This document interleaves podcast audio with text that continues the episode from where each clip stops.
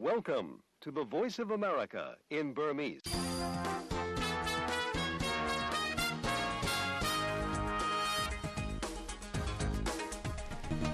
မင်္ဂလာမနက်ခင်းပါခင်ဗျာ။ American ပြည်တော်စုမြို့တော် Washington DC ကနေ2024ခုနှစ်မတ်လ4ရက်တနင်္လာနေ့မနက်ပိုင်း6နာရီကနေ9နာရီထိ VOA မြန်မာပိုင်းရုပ်သံအစီအစဉ်တွေကိုစတင်ထုတ်လွှင့်နေပါပြီ။ရေဒီယိုကလည်းလိုက်ဒိုမီတာ32နဲ့49လိုက်လက်မီတာ190ပြည့် VOA ရဲ့ YouTube နဲ့ Facebook စာမျက်နှာတွေကလည်းကြည့်ရှုနားဆင်နိုင်ပါတယ်။ကျွန်တော်ထမောင်သားပါ။ဂါဇာအဖြစ်ကရစေးဆွေးနွေးဖို့အတွက်ဟာမတ်စ်ကိုယ်စားလှယ်အဖွဲ့အီဂျစ်နိုင်ငံကိုရောက်ရှိနေပါတယ်။ရှမ်းမြောက်ဒေသညီနောင်မဟာမိတ်သုံးဖွဲ့နဲ့စစ်ကောင်စီတာဝန်ရှိသူတွေမတ်လ၁ရက်နေ့ကနေ၃ရက်နေ့ထိတရုတ်နိုင်ငံတွင်းမှာဆွေးနွေးခဲ့ကြတယ်လို့သိရပါတယ်။ပါကစ္စတန်လွှတ်တော်ကနေပြီးတော့ရှာဘတ်ရှာရစ်ကိုဝန်ကြီးချုပ်အသစ်ဖြစ်တဲ့ဒနုလီနေ့မှာမဲပေးရွေးချယ်လိုက်ကြပါတယ်။ အဲဒီလိုထိပ်တန်းရောက်သတင်းတွေပြင်ထိုင်းနိုင်ငံထဲကိုခိုးဝင်မှုစူးစမ်းကြတဲ့မြန်မာတွေကိုအရေးအတွက်အဖြစ်အများဆုံးအစုလိုက်ဖမ်းဆီးမိတဲ့သတင်းကိုလည်းကြားကြရမှာပါအပတ်စဉ်အစီအစဉ်မှာတော့ကမ္ဘာမြန်မာမီဒီယာမြင်ကွင်း ISP မြန်မာရဲ့မြင်ကွင်းကျယ်မှတ်စုများမြန်မာပြည်မှာပေးစာနဲ့ထူးခြားစံပြသတင်းများအစရှိတဲ့အပတ်စဉ်ကဏ္ဍတွေကိုတင်ဆက်သွားဖို့ရှိပါတယ်အခုရေဆုံးတော့ဒီကနေ့မနေ့ထိပ်တန်းရောက်သတင်းတွေကိုနန်းလောင်ကပြောပြပါပါ ဂါဇာအပြစ်ခတ်ရစရေးဆွေးနွေးဖို့အတွက်ဟာမတ်စ်ကိုယ်စားလှယ်အဖွဲ့တို့အီဂျစ်နိုင်ငံကိုင်ရိုမြို့ကိုတနင်္ဂနွေနေ့မှာရောက်ရှိနေကြပါတယ်။ ငါးလထဲရောက်လာပြီဖြစ်တဲ့ဂါဇာဒေသထဲကစစ်ပွဲကိုသတင်းပတ်နဲ့ချီအပြည့်ရစဲနိုင်ရေးဆွေးနွေးပွဲကိုအစ္စရေးကိုယ်စားလှယ်တွေတက်ရောက်မလားဆိုတာကတော့ရှင်းရှင်းလင်းလင်းမရှိပါဘူး။သတင်း၆ပတ်ထိအပြည့်ခတ်ရစဲဖို့အမေရိကန်ပြည်ထောင်စုရဲ့တိုက်တွန်းချက်ကိုအစ္စရေးဘက်ကသဘောတူထားသလိုဟာမတ်စ်တို့ဘက်ကသဘောတူဖို့ပဲလိုပါတယ်လို့တော့ပြောပါတယ်။ပြီးခဲ့တဲ့နိုဝင်ဘာလတုန်းကသတင်းတစ်ပတ်ကြာအပြည့်ရစဲပြီးတော့နောက်ပိုင်းမှာတော့ဒါပထမဆုံးသဘောတူညီမှုတက်တန်းတိုးနိုင်ရေးကြိုးပမ်းချက်လည်းဖြစ်ပါတယ်။ အပြစ်ရရေးအဆိုပြုချက်ထဲမှာတော့ဟာမတ်စ်တို့လက်ထဲကျန်နေသေးတဲ့ဒါဇင်နဲ့ချီတဲ့ဒဇက်ခံနဲ့အစ္စရေးတို့ဖမ်းထားတဲ့ယာနဲ့ချီတဲ့ပါလက်စတိုင်းသားတွေနဲ့လဲလှယ်ပေးရေးလည်းပါဝင်ပါတယ်။အမေရိကန်အရာရှိတဦးကတော့အပြစ်ခတ်ရစရေးဟာတူလန်ချောင်းပေါ်ရောက်နေပြီးသဘောတူညီချက်မူပေါင်းတရားလည်းချမှတ်ထားပါတယ်လို့သတင်းထောက်တွေကိုပြောပါတယ်။ဒါပေမဲ့လည်းကယ်ရိုမြို့ကိုရောက်နေကြတဲ့ဟာမတ်စ်ကိုယ်စားလှယ်တဦးကတော့သဘောတူညီမှုတွေမရသေးဘူးလို့ရိုက်တာသတင်းကိုပြောပါတယ်။ ရုရှားရဲ့လူမဆန်ပဲရက်စက်ကြမ်းကြုတ်လာတဲ့လုပ်ရပ်တိုင်းကိုတွန်းလှန်ကြဖို့ယူကရိန်းသမ္မတ Volodymyr Zelensky ကကမ္ဘာကိုတိုက်တွန်းလိုက်ပါတယ်။စနေနေ့ရုရှားရဲ့ဒရုန်းယာဉ်နဲ့တိုက်ခိုက်မှုကြောင့်ယူကရိန်းဆိပ်ကမ်းမြို့ Odessa ကနေလူနေအဆောက်အုံထိမှန်ပြီးနောက်တနေ့မှာပဲသေဆုံးသူအရေအတွက်တိုးလာချိန်မှာသမ္မတ Zelensky က X လူမှုကွန်ရက်မှာအဲဒီလိုရေးသားလိုက်တာပါ။ဒီတိုက်ခိုက်မှုကိုကြည့်ရင်ယူကရိန်းကိုထောက်ခံဖို့ဘယ်လောက်တောင်အရေးကြီးနေသလဲဆိုတာပြသနေပါတယ်လို့လည်းပြောပါတယ်။ဒီစစ်ပွဲအောင်နိုင်မှာဖြစ်မယ်လို့လည်းရေးပါတယ်။ အဲဒီတိုက်ခိုက်မှုမှာကလေးငယ်၃ဦးအပါအဝင်၁၀ဦးထက်မနည်းသေဆုံးခဲ့တာပါ။အပျက်အစီးပုံတွေအောက်ကနေကလေးငယ်တွေရဲ့ရုပ်အလောင်းတွေသယ်ယူခဲ့ပြီးတဲ့နောက်မှာပဲယူကရိန်းကလေးငယ်တွေကိုစစ်ဘက်ပစ်မှတ်တွေအဖြစ်ရုရှားကသတ်မှတ်လိုက်တာဖြစ်တယ်လို့လည်းသမ္မတ Zelenskyy ကပြောပါတယ်။ရုရှားရဲ့အဲဒီ drone နဲ့တိုက်ခိုက်မှုမှာအသက်၃နှစ်သား၊၈လသားနဲ့၃လသားအရွယ်ကလေးငယ်၃ဦးတို့သေဆုံးခဲ့ရတာပါ။ပျောက်ဆုံးနေသူတွေရှိနေသေးတဲ့အတွက်သေဆုံးသူအရေအတွက်ထပ်တိုးလာနိုင်တယ်လို့လည်းဒေသန္တရတာဝန်ရှိသူတွေကပြောပါတယ်။ လာမယ့်၅နှစ်အတွင်းအီရန်နိုင်ငံရဲ့နေ့စဉ်သဘာဝဓာတ်ငွေ့ထုတ်လုပ်မှုဟာကုဗမီတာ1.3ဘီလီယံအထိရောက်လာလိမ့်မယ်လို့အီရန်စွမ်းအင်ဝန်ကြီး Javad Ojji ကတနင်္ဂနွေနေ့မှာပြောဆိုခဲ့ကြောင်းအစိုးရကကြောက်ထောက်နောက်ခံပေးထားတဲ့ Student News Network သတင်းဌာနကပြောပါတယ်။လက်ရှိမှာတော့နေ့စဉ်ထုတ်လုပ်နေတဲ့ဓာတ်ငွေ့ကကုဗမီတာ1.39ဘီလီယံရှိပါတယ်။ ကမ္ဘာ့စွမ်းအင်ကဏ္ဍမှာအီရန်ရဲ့အခန်းကဏ္ဍအရေးပါလာအောင်လို့ဓာတ်ငွေ့လုပ်ငန်းဖွံ့ဖြိုးတိုးတက်ရေးအတွက်ဒေါ်လာဘီလီယံ၈၀ရင်းနှီးမြှုပ်နှံသွားမယ်လို့လည်းအယ်လ်ဂျီးရီးယားမှာကျင်းပတဲ့သတ္တမအကြိမ်မြောက်ဓာတ်ငွေ့တင်ပို့ရောင်းချတဲ့နိုင်ငံများ GECF ထိပ်သီးအစည်းအဝေးမှာဝန်ကြီး Ojji ကပြောဆိုသွားတာပါ။ အမေရိကန်သမ္မတ Donald Trump က၂၀၁၈ခုနှစ်မှာအီရန်အပေါ်ဒဏ်ခတ်ပိတ်ဆို့မှုတွေပြန်လည်ချမှတ်ခဲ့တဲ့နောက်ပိုင်းအီရန်မှာပြည်ပရင်းနှီးမြှုပ်နှံမှုတွေဆုံးရှုံးခဲ့ရပြီးသူ့ရဲ့စွမ်းအင်ကဏ္ဍဖွံ့ဖြိုးတိုးတက်ရေးအတွက်ပြည်တွင်းကုမ္ပဏီတွေကိုသာအဓိကအားထားခဲ့ရတာပါ။လက်ရှိမှာတော့အီရန်ရဲ့ဓာတ်ငွေ့တွေကိုပြည်တွင်းမှာအဓိကရောင်းချနေရပြီးဓာတ်ငွေ့လောင်ကျွမ်းတာကြောင့်တွင်းထွက်ဓာတ်ငွေ့တွေဆုံးရှုံးနေရတာတွေလည်းရှိနေတယ်လို့ကျွမ်းကျင်သူတွေကနိုင်ငံပိုင်သတင်းမီဒီယာကိုပြောဆိုထားပါတယ်။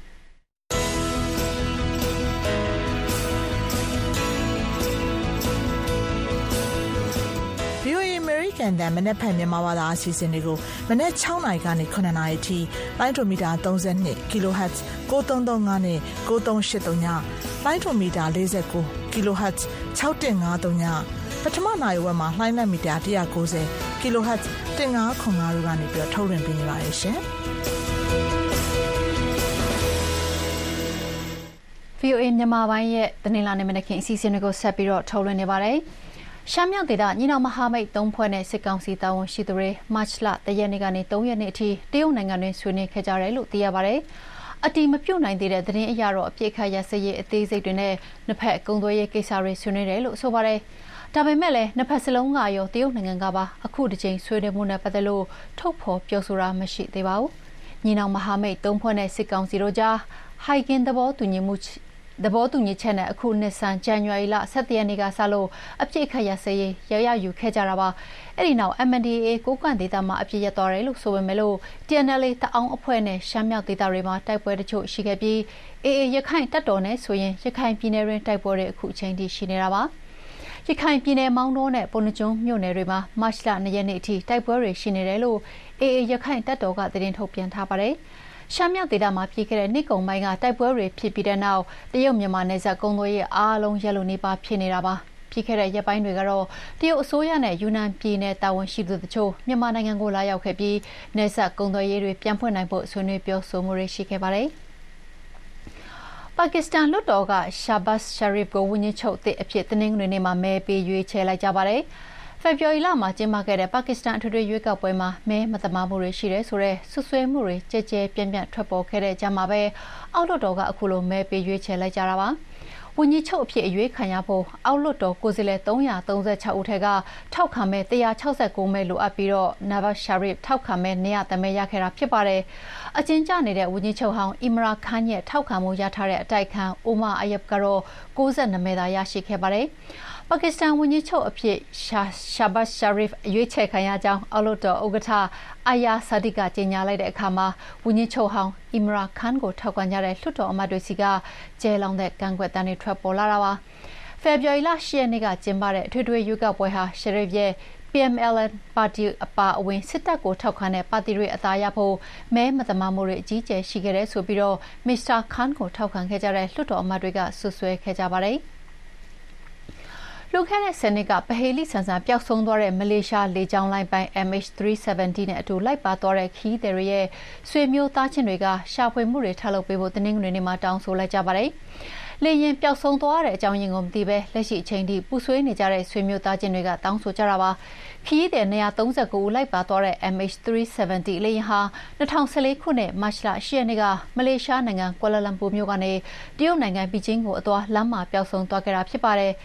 MH370 လေယာဉ်ရှာဖွေကယ်ဆယ်ရေးလုပ်ငန်းဟာလေကြောင်းပျံသန်းမှုသမိုင်းမှာတော့အကြီးကျယ်ဆုံးဖြစ်ခဲ့ပေမဲ့ဒီကနေ့အထိအဲဒီလေယာဉ်ကိုရှာမတွေ့သေးပါဘူး။မလေးရှားနိုင်ငံမြို့တော်ကွာလာလမ်ပူကဈေးဝယ်စင်တာတခုအနီးမှာပဲခရီးသည်တွေရဲ့ဆွေမျိုးသားချင်း900လောက်စုရုံးပြီးအောက်မေ့ဖွယ်နေ့ကိုကျင်းပခဲ့ကြပါတယ်။တက်ရောက်လာသူအတော်များများရဲ့ဝမ်းနည်းပူဆွေးနေကြတာကိုလည်းတွေ့ရပါတယ်။လေယာဉ်နဲ့လိုက်ပါသွားခဲ့ကြတဲ့ခရီးသည်အရေအတွက်အတိုင်းဖယောင်းတိုင်၂၃၉တိုင်ကိုထွန်းညှိခဲ့တာပါ။ MH370 လေယာဉ်နဲ့လိုက်ပါသွားသူ၃ပုံ၂ပုံလောက်ဟာတရုတ်နိုင်ငံသားတွေဖြစ်ပြီးအောက်မေ့ဖွယ်နေ့ကိုလက်ရောက်လာသူတွေထဲမှာတရုတ်နိုင်ငံကဆွေမျိုးသားချင်းတွေလည်းအများအပြားပါဝင်ပါတယ်။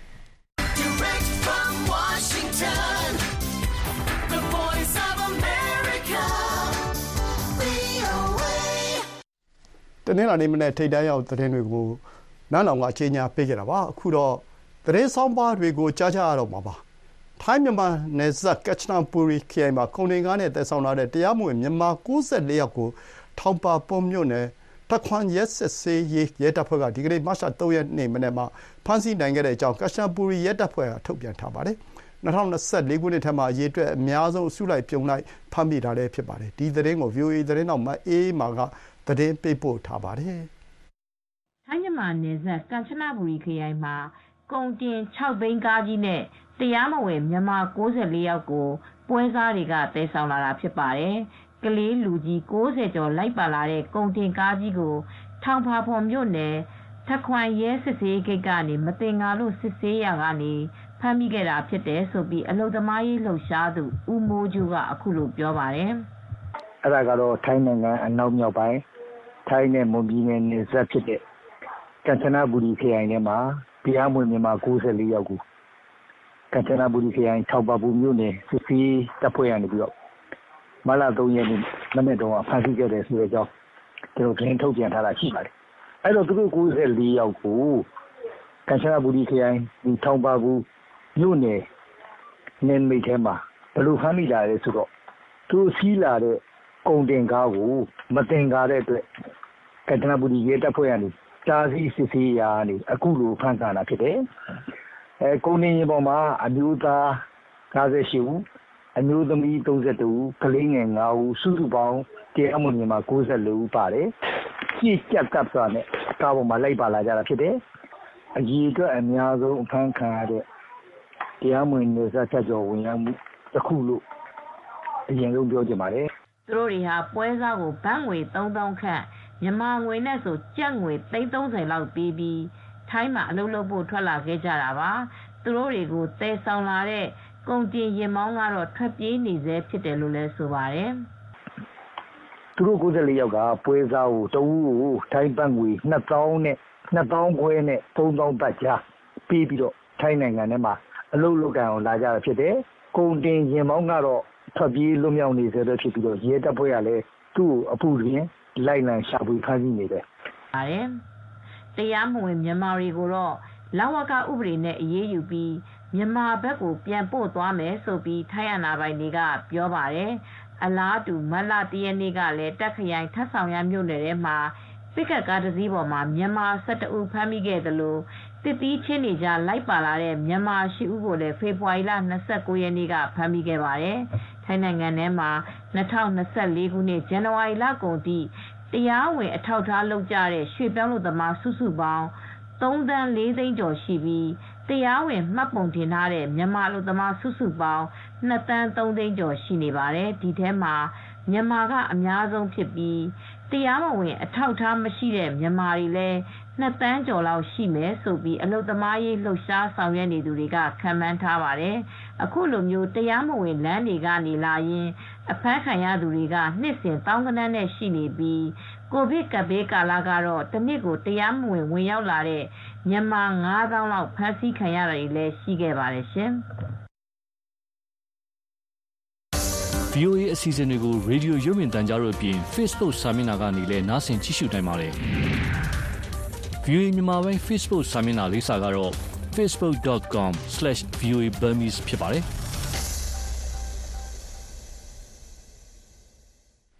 ခုတော့ပတ်စဉ်အစီအစဉ်တွေကိုတင်ပြပါတော့မယ်။ထိုင်းနိုင်ငံကဦးစီးမဲ့လူသားချင်းစာနာမှုအကူအညီကိစ္စ NUG အစိုးရ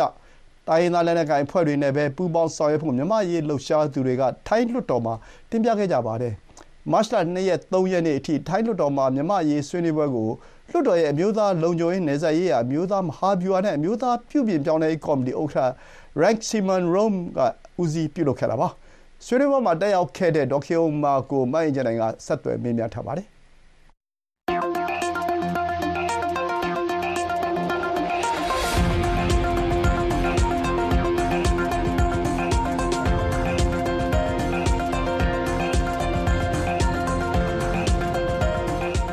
ပါမခင်အောင်ပါ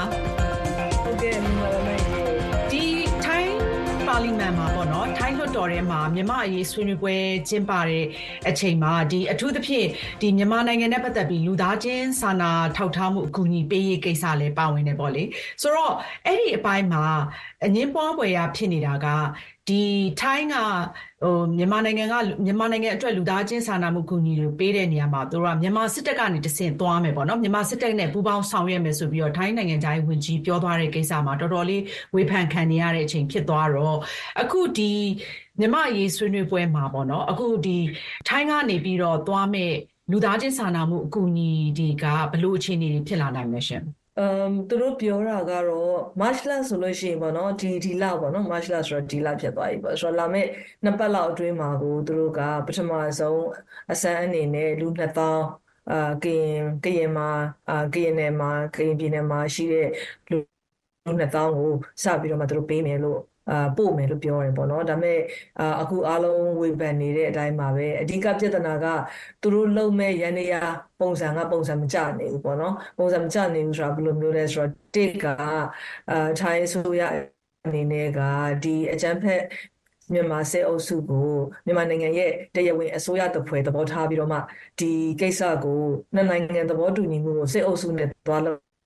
လုပ်တဲ့ပုံစံလိုမျိုးသွားလုပ်တဲ့ဟာဖြစ်တယ်ပေါ့နော်အဲ့ဒီဟာကလည်းပြဿနာရှိတယ်ဘာကြောင့်လဲဆိုတော့ဒီမြန်မာစစ်အုပ်စုမှာကတရားဝင်မှုမရှိနေဘူးလေနော်တိုင်းပြည်ရဲ့အာတရားဝင်အစိုးရမဟုတ်နေတဲ့ဒီလိုမျိုးအထူးသဖြင့်အကြမ်းဖက်မှုတွေကိုနိုင်ငံတကာအကြမ်းဖက်မှုတွေရာဇဝတ်မှုတွေကိုကျူးလွန်နေတဲ့သူတွေကိုတွားပြီးတော့မှအာဒီလိုမျိုးအာပူပေါင်းဆောင်ရွက်မှုလုပ်တဲ့ကိစ္စက ပထမဆုံးဒါကအရင်ဆုံးဟိုတရားဝင်မှုရရောဒီ morally ရရောမှားယွင်းတဲ့အချက်ပေါ့နောက်တစ်ခုကကျတော့လက်တွေ့မှားတဲ့အချက်ပေါ့လက်တွေ့မှားတဲ့အချက်ကဘာလဲဆိုတော့အာအခုဒီလူသားဆန္ဒအကူအညီဆိုတာကအရေးပေါ်လူသားဆန္ဒအကူအညီကိုပေးကြတယ်ဆိုတာကအဲထိလွယ်ရှလွယ်အဖြစ်ဆုံးအနေအများဆုံးပေါ့နော်အနေကြာရောက်မှုအများဆုံးခံနေရတဲ့ပြည်သူစီကိုပို့ရတဲ့ကိစ္စ ဆိုတော့အန်ဒီအများဆုံးကြောက်ရောက်ခံနေရတဲ့ပြည်သူဆိုတာဘယ်သူလဲလို့မြန်မာနိုင်ငံမှာကြည့်လိုက်လို့ရှိရင်ဒီအချမ်းဖက်စေအုပ်စုကနေပြီးတော့မှဒီရွာမီရှိုးလို့ပြေးရတာเนาะဒီလက်နဲ့ကြီးချလက်နဲ့ပြက်လို့ပြေးရတာပြီးတော့ပြီးလို့ရှိရင်လေရင်ဘွားနေလေရင်ကနေဘုံကျဲလို့ပြေးရတာဒီအချမ်းဖက်မှုကိုဖန်တီးတဲ့စေအုပ်စုနဲ့တွားလုံနေတယ်ဆိုတဲ့ဥစ္စာကသူ့ရဲ့ မှားယွင်းချက်ပေါ့နော်အဲ့ဒီမှာလိုအပ်ချက်အာလမ်းကြောင်းလွဲသွားပြီပေါ့ကျမတို့ပြောတာလေပြီးတော့သူကဘယ်သူနဲ့လုံมาလဲဆိုတော့ဒီဘက်ထိုင်းဘက်ကနေပြီးတော့မှဟိုတရားရှိတယ်လीနော်ဟို friendship bridge ဆိုပြီးတော့မှထိုင်းနဲ့မြန်မာနဲ့ကြားကချစ်ကြည်မှုတရားเนาะဒီတရားကနေဖြတ်ပြီးတော့မှထိုင်းဘက်ကနေပြီးတော့မှထိုင်း အာကြက်ချီနီကနေပြီးတော့မှဟိုဘက်ချမ်းကမြမကြက်ချီနီကိုတရားပေါ်ကနေဖြတ်ပြီးတော့မှလူသားစာနာအကူအညီကိုပေးမယ်ဆိုတဲ့အစီအစဉ်အခုကဆိုတော့ကျမတို့ကပြောတာကပြဿနာအရန်ကြီးတာကမြမကြက်အာမြမကြက်ချီနီဆိုတာက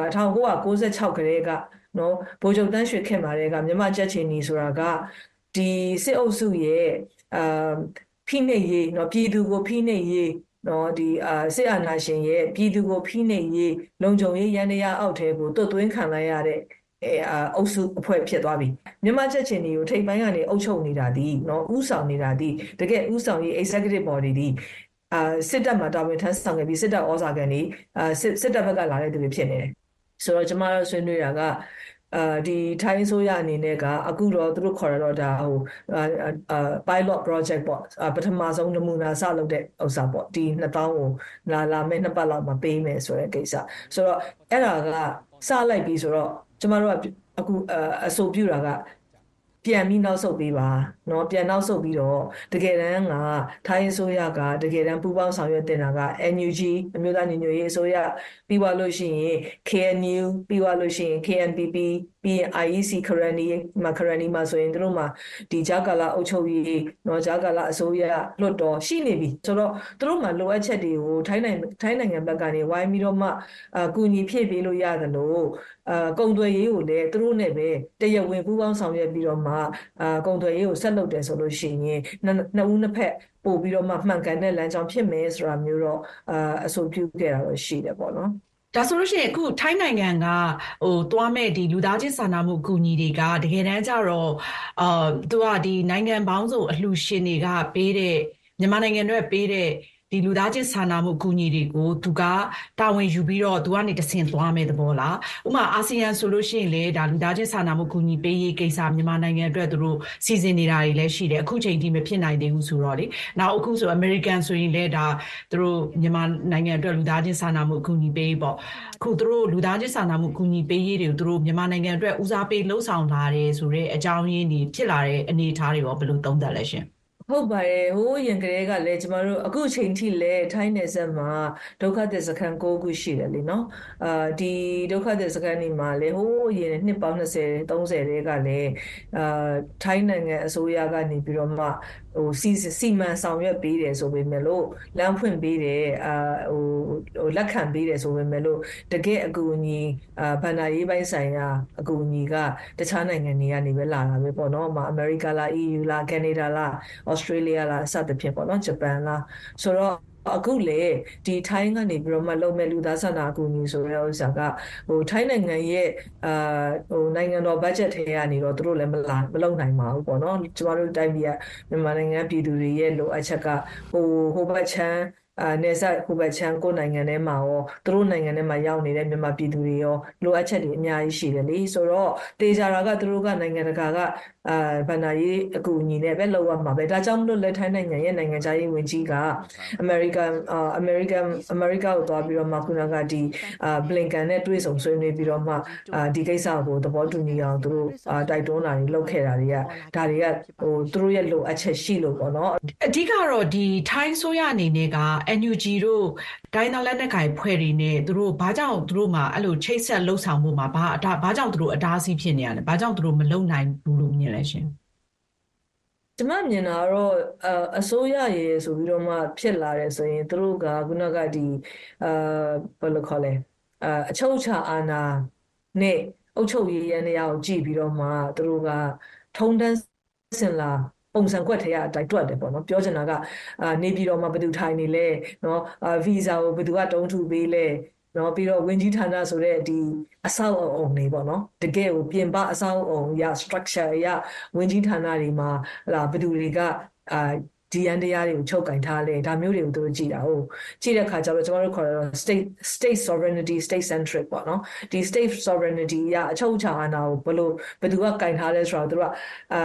တိုင်းပြည်တစ်ပြည်ရဲ့မြို့တော်မှာဘယ်သူနော်တိုင်းပြည်တစ်ပြည်ရဲ့မြို့တော် မှာဘယ်သူကဒါကိုဒီမြို့တော်ရဲ့အုပ်ချုပ်ရေးရန်တရားတွေကိုဘယ်သူကအုပ်စီးထားလဲဆိုတဲ့ဟာမျိုးကိုကြည့်တယ်လေဆိုတော့သူတို့ဘက်ကအခုလောလောဆယ်အာသူတို့ဘက်ကအဖြေထုတ်ရမှာပေါ့နော်ကျမတို့ကထိုင်းလွတ်တော်ကိုအဆိုပြုတာကထိုင်းဆိုရနဲ့တေချာဆွေးနွေးပြီးတော့မှညှိနှိုင်းပေးပါ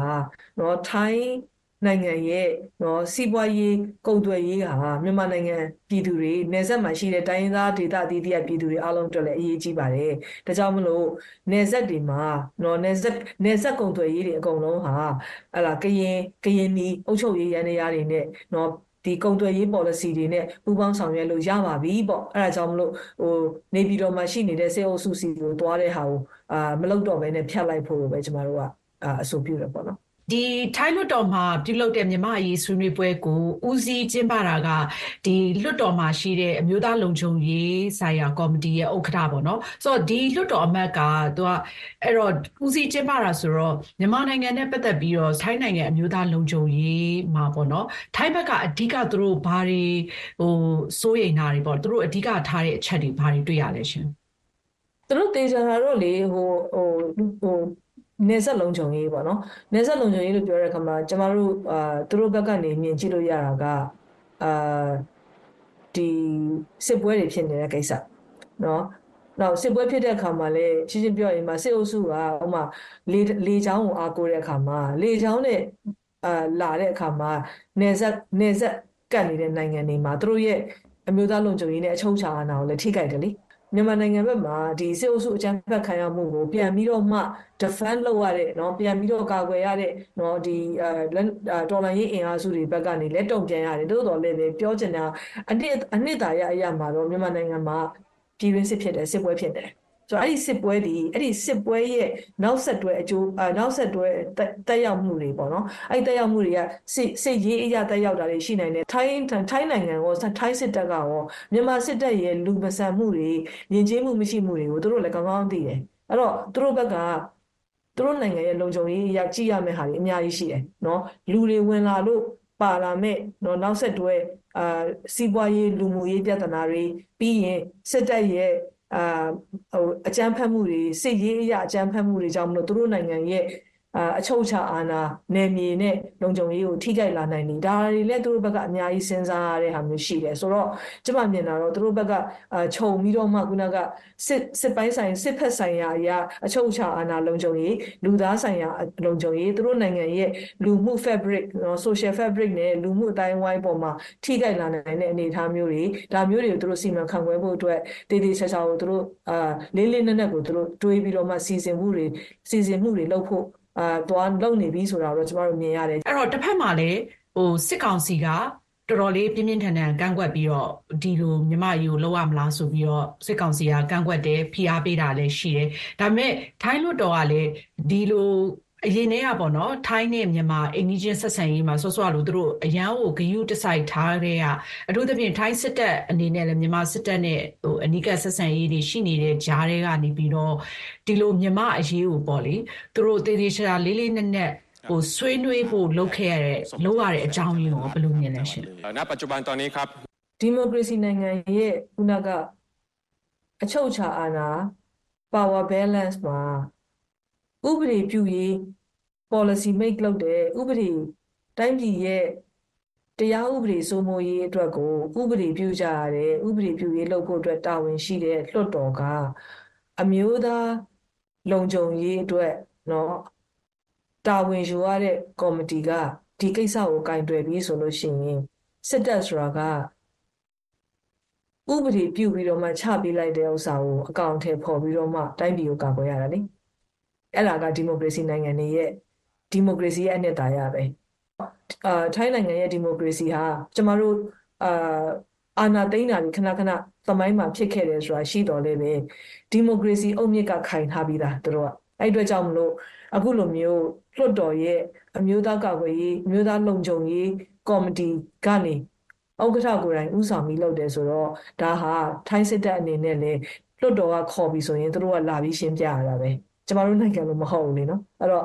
လွှတ်တော်ကခေါ်ပြီးဆိုရင်စစ်တပ်တည်လည်းလာဟိုသူတို့ရဲ့အာဗိုလ်ချုပ်တွေလည်းလာပြီးတော့မှဦးစီးစစ်ဦးစီးချုပ်တွေလည်းလာပြီးတော့မှရှင်းပြပေးရတာပဲဆိုတော့ဒါဟာကျမတို့ဒီမိုကရေစီရဲ့အခြေခံအုပ်မြစ်တွေနဲ့အနှစ်သာရတွေထိုင်းမှာရှိနေတဲ့ဥစ္စာဒါကျမတို့အင်မတန်မှဟိုဘယ်လိုခေါ်မလဲမြန်မာနိုင်ငံရှေ့သွားတဲ့အခါမှာလည်းဒီလိုမျိုးအခြေခံအုပ်မြစ်မျိုးတွေကိုခိုင်အောင်လုပ်ဖို့အတွက်ကျမတို့အတွက်အာဟိုနမူနာယူစရာတွေလည်းအများကြီးရှိတယ်ပေါ့နော်ဆိုတော့သူတို့ရဲ့အလေးထားမှုဟာကျမတို့နိုင်ငံဒီမိုဒီ Federal Democracy ပြဖို့အတွက်တိုက်ပွဲဝင်နေတာအတွက်ကိုနိုင်ငံရေးအရာရောတော့ကျမတို့အတွက်အများကြီးအားထားစရာဖြစ်နေလို့ပဲကျမတို့ကျမ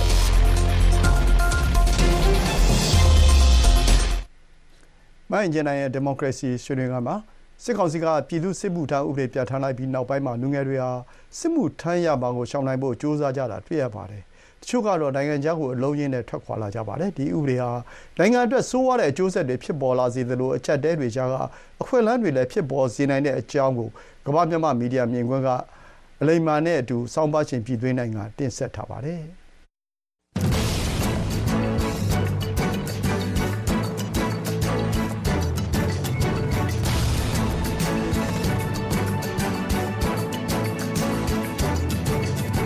အားလုံးပဲမင်္ဂလာပါခင်ဗျာဒီတပတ်ကမ္ဘာမြန်မာမီဒီယာမြင်ကွင်းကဏ္ဍကနေစစ်မှုမထမ်းမနေရပြည်သူစစ်မှုထမ်းဥပဒေဟာအကြက်တဲကြားကအခွင့်အလမ်းဖြစ်လာနိုင်သလားဆိုတဲ့အကြောင်းကိုတင်ပြပေးသွားမှာဖြစ်ပါတယ်ကျွန်တော်ကတော့ပြည်သွေးနိုင်ပါစစ်တပ်ကျေးဇူးမူးလို့တောင်ရှူစရာမရှိဘူးလို့ဟန်တာဗရီဦးဝင်းတင်ကပြောခဲ့ပူပါတယ်အဲ့ဒီစကားကြားရတော့စစ်တပ်ကိုဝေဖန်လိုက်တာများပြင်းထန်လွန်လိုက်တာလို့ထင်ခဲ့ပူပါတယ် အလာနီကောင်းဆောင် သခင်စိုးကြီးကလည်း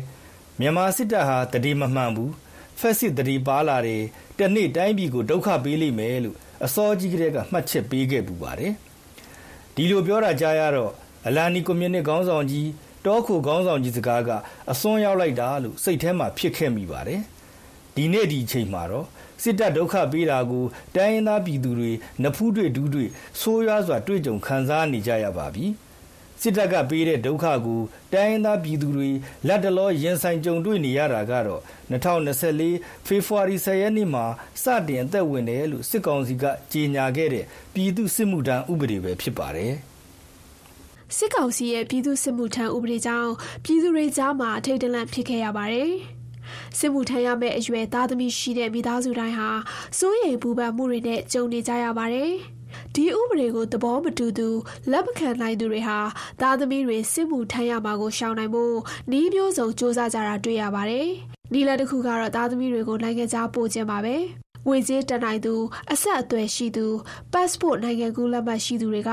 လေးချောင်းခရီးနဲ့အပေါ်လန်းကထွက်ကြပြီးတော့အဲ့ဒီလိုအခြေအနေမပေးသူတွေကတော့အောက်လန်းကနေနေဆက်ဖြတ်ကျော်ပြီးတော့အိန္ဒိယနိုင်ငံတွေစီကိုထွက်ခွာကြပါတယ်။ အပေါ်လန်းကရောအောက်လန်းကရောအများဆုံးထွက်ခွာကြတာကတော့ထိုင်းနိုင်ငံကိုပဲဖြစ်ပါတယ်။ပြည်သူ့စစ်မှုထမ်းဥပဒေကျင်းပပြီးနောက်မှာဗီဇာရရှိရေးအတွက်ရန်ကုန်ကထိုင်းတန်ရုံရှိမှာတိုးဝေတန်းစီနေကြတာကိုမီဒီယာတွေမှာမြင်တွေ့နေရပါတယ်။အဖြစ်ကဘလောက်တောင်ဆိုးတယ်လဲဆိုရင်မန္တလေးမြို့က passport နိုင်ငံကူးလက်မှတ်ရုံးမှာ passport ရရှိရေးတိုးဝေကြရင်လူအုပ်ပြီးလို့အမျိုးသမီးငယ်လက်ဦးသေဆုံးခဲ့ရတဲ့အထီးပါပဲစစ်ကောင်စီရဲ့ ပြည်သူစစ်မှုထမ်းဥပဒေပေါ်မြမကပမီဒီယာတွေက ပြင်းပြင်းထန်ထန်ဝေဖန်ရေးသားခဲ့ကြတာတွေ့ရပါတယ်။အလားတူပါပဲအမေရိကန်ပြည်ထောင်စုဝါရှင်တန် DC ခြေဆိုင် USIP လို့ခေါ်တဲ့အမေရိကန်ငြိမ်းချမ်းရေး Institute ကလည်းသူ့ရဲ့အင်တာနက်စာမျက်နှာမှာမြန်မာစစ်ကောင်စီကိုကြမာငင်စေတဲ့ပြည်သူစစ်မှုထမ်းဥပဒေဆိုတဲ့သုံးသက်ချက်ဆောင်းပါးတစ်ပုဒ်ကို2024ဖေဖော်ဝါရီ26ရက်နေ့ကဖော်ပြထားပါတယ်။ အဲ့ဒီဆောင်းပါးကို ရေးသားသူကတော့ USIP ရဲ့ ဧည့်ပညာရှင်နဲ့ Wilson Center မှာ Global Fellow ဖြစ် ဆောင်ရွက်နေတဲ့ ရဲမျိုးဟိန်း ဖြစ်ပါတယ်။အခုလို စစ်ထဲမဝင်မနေရ စစ်မှုထမ်းဥပဒေ ပြဋ္ဌာန်းတာဟာစောက်တီရမရ မတီမငြိမ် ဖြစ်နေတဲ့ စစ်ကောင်စီရဲ့ ပုံရိပ်ကို ပြသနေတာဖြစ်တယ်လို့ ဆောင်းပါးရှင်က ဆိုပါတယ်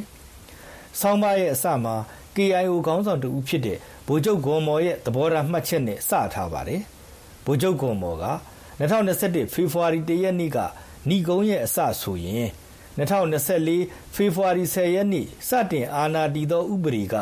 ဏီကုန်းရဲ့အဆုံးသတ်လို့ဆိုရမှာပေါ့လို့ပြည်သူစစ်မှုထမ်းဥပဒေနဲ့ပတ်သက်လို့မှတ်ချက်ပေးခဲ့ပါတယ်။ဒီစစ်မှုမထမ်းမနေရဥပဒေကြောင့်ဒေသတွင်းမတည်မငြိမ်ဖြစ်မှုကိုပုံမကြီးထွားလာစေပြီးတော့အိန္ဒိချင်းနိုင်ငံတွေကိုဝန်တော့ဝန်ပိုးဖြစ်စေတယ်။မြန်မာနိုင်ငံတွင်းမှာသာမက ဒေသတွင်းကိုပါဝရုံသုံးကားနဲ့မတီမငြိမ်ဖြစ်စေတဲ့အဓိကလက်သည်အဓိကဒီရခန်ဟာစစ်ကောင်စီဖြစ်တယ်ဆိုတာပုံမခိုင်မာလာစေတယ်လို့လည်းဆောင်းပါရှင်ရဲမျိုးဟင်းကရေးသားထားပါတယ်။ဒါအပြင်ဆောင်းပါရှင်က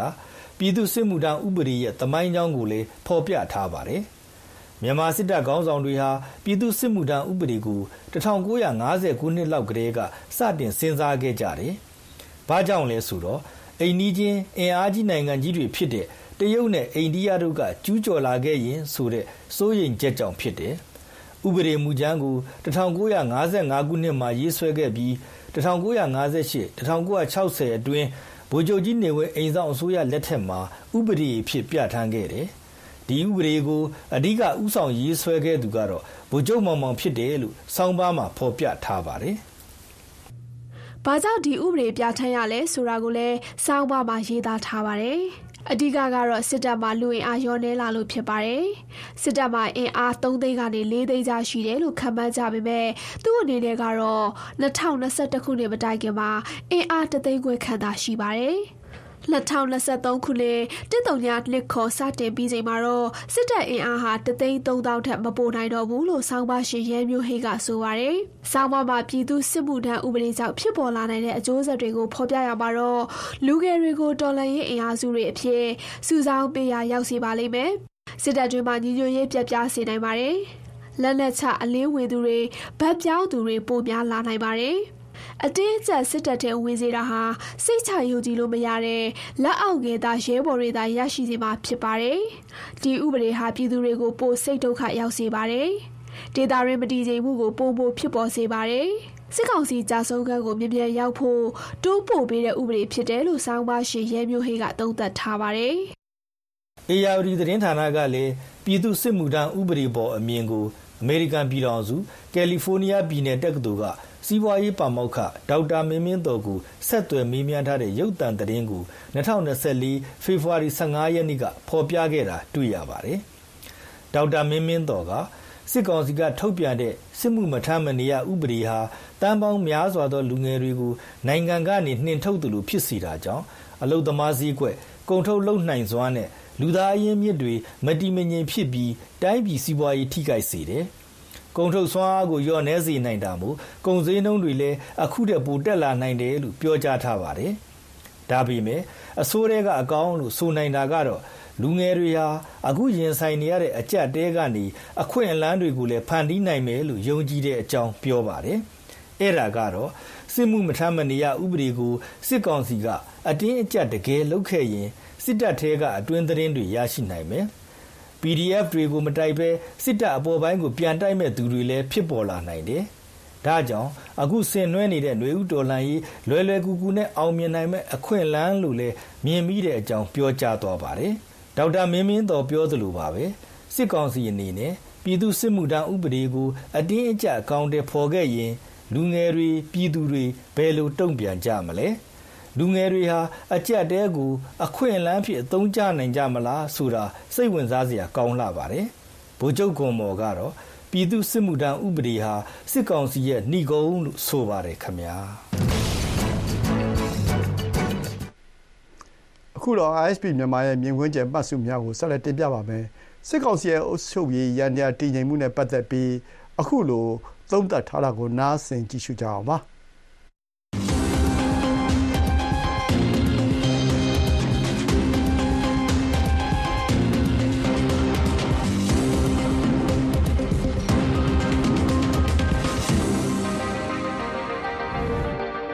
အာနာသိမ့်မှုအလွန်၃နှစ်အတွင်းစစ်ကောင်းဆောင်ဟာအုပ်ချုပ်ရေးရန်ရာထိပ်ပိုင်းကိုအကြိမ်ကြိမ်ပြောင်းလဲနေခဲ့ပါတယ်။အခုဆိုရင်စစ်ကောင်စီနဲ့အစိုးရဖွဲ့ထဲမှာပါဝင်မှုသူ152ဦးရှိနေပါပြီ။အဲ့ဒီအပြောင်းလဲတွေမှာစစ်ကောင်စီဝင်ဝင်းကြီးနဲ့တိုင်းနယ်ပြည်နယ်ဝင်းကြီးချုပ်တွေပါဝင်ပါတယ်။နေရာရွှေ့တာအနာပေးတာထုတ်ပယ်တာအသက်ခံတာနဲ့ဝင်းကြီးဌာနခွဲတာစတာတွေဖြစ်ပါတယ်။သုံးနှစ်တာအတွင်းစစ်ကောင်စီကို၄ချိန်နဲ့ အစိုးရဖွဲ့ကို6ချိန်ပြင်ဆင်ဖွဲ့စည်းခဲ့ပါတယ်။စစ်ကောင်းဆောင်ရဲ့အုပ်ချုပ်ရေးရန်တရားဟာ၃နှစ်ကြာတဲ့အထိမတည်ငြိမ်သေးတဲ့သဘောပါပဲ။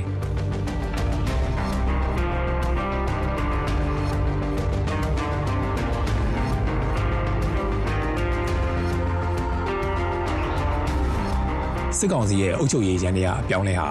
ဦးသိန်းစိန်အစိုးရနဲ့ NLD အစိုးရလက်ထက်တွေနဲ့ရှင်ရင်စံချိန်တင်များခဲ့ပါတယ်။ ဝင်းကြီးဖွဲ့ကို၃နှစ်အတွင်းမှာပဲ42ကြိမ်ထိအပြောင်းလဲလုပ်ခဲ့ပြီးပါပြီ။ဒီထဲမှာပြည်တော်စုအဆင့်အဖွဲ့အစည်းတွေရဲ့ဥက္ကဋ္ဌတွေဒုတိယဝန်ကြီးတွေနဲ့တိုင်းနယ်ပြည်နယ်ဝန်ကြီးချုပ်တွေကိုထည့်တွက်မထားပါဘူး။ဦးသိန်းစိန်အစိုးရလက်ထက်မှာပထမ3နှစ်တာအတွင်းအစိုးရအဖွဲ့ရဲ့အပြောင်းလဲက28ကြိမ်ရှိပါတယ်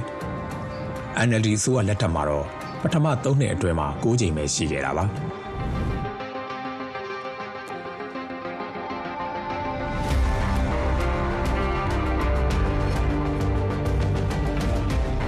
စစ်ကောင်းဆောင်ရဲ့အမြင့်ဆုံးအုပ်ချုပ်ရေးအဖွဲ့ဖြစ်တဲ့စစ်ကောင်စီထဲမှာပါဝင်မှုသူ33ဦးရှိသွားပါပြီ။အာနာသိန်းချိန်ကနေအခုထိနေရမြဲနေသေးတာကတော့10ဦးပဲရှိပါတယ်။အရက်သားတွေကပရိုမန်ကြီးမောင်နဲ့ဥရွှေကျင်းတို့2ဦးပဲအဲ့ဒီ10ဦးထဲမှာပါတာပါ။နေရမြဲနေတဲ့တခြားကောင်စီဝင်တွေကတော့စစ်ကောင်းဆောင်2ဦးဗိုလ်ချုပ်ကြီး2ဦးနဲ့ဒုတိယဗိုလ်ချုပ်ကြီး2ဦးတို့ဖြစ်ပါတယ်။သူတို့တွေကတော့ စစ်ကောင်းဆောင်ရဲ့ယုံကြည်ရတဲ့အတွင်းစီမှာရှိနေကြတာပါလက်ရှိမှာတော့စစ်ကောင်စီကိုစစ်ဘက်က9ဦးအရက်ဘက်က9ဦးစုစုပေါင်း18ဦးနဲ့ဖွဲ့စည်းထားပါတယ်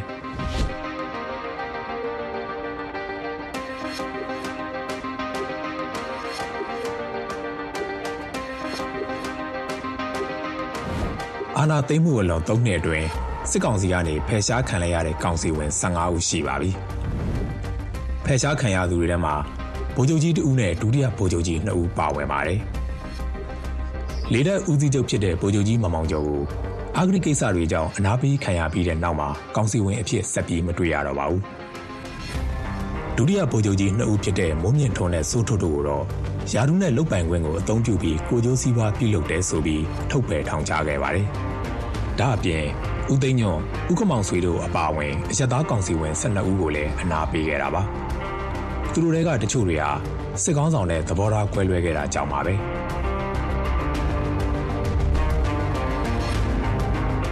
VOA American အတန်ရဲ့သတင်းမှန်သတင်းမြန်တွေကို Telegram လူမှုကွန်ရက်စာမျက်နှာမှာလည်းရှုစားနိုင်ပါတယ်။ VOA Telegram စာမျက်နှာလိပ်စာ t.me/burmese.voa news မှာ join လုပ်ပြီးထိတ်ဆက်ရယူပါခင်ဗျာ။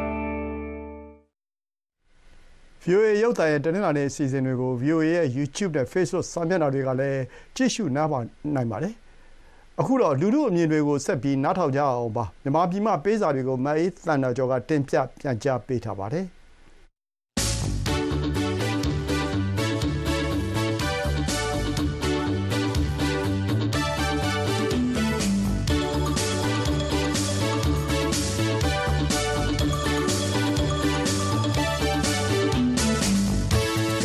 ကင်းရှင်းပြီးတော့မင်္ဂလာပေါင်းနဲ့ပြည့်စုံတဲ့နေ့ဖြစ်ပါစေသောရရှိမြရှင်။ VOA ကိုရေးလာတဲ့သောရရှင်တွေရဲ့ပေးစာတွေအီးမေးလ်တွေပြီးတော့ VOA မြန်မာဝိုင်း Facebook စာမျက်နှာပေါ်မှာလာပြီးတော့ရေးကြတဲ့သောရရှင်တွေရဲ့မှတ်ချက်တွေနဲ့ Messenger ကစာတွေကိုမြန်မာပြည်ကပေးစာများအစီအစဉ်ကနေပြန်ကြားပေးပါရမယ်ရှင်။အခုအရင်ဦးဆုံးသောရရှင်တွေရဲ့မှတ်ချက်တိုတွေနဲ့စချင်ပါတယ်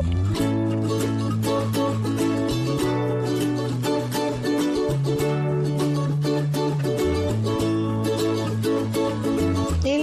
ရရှင်က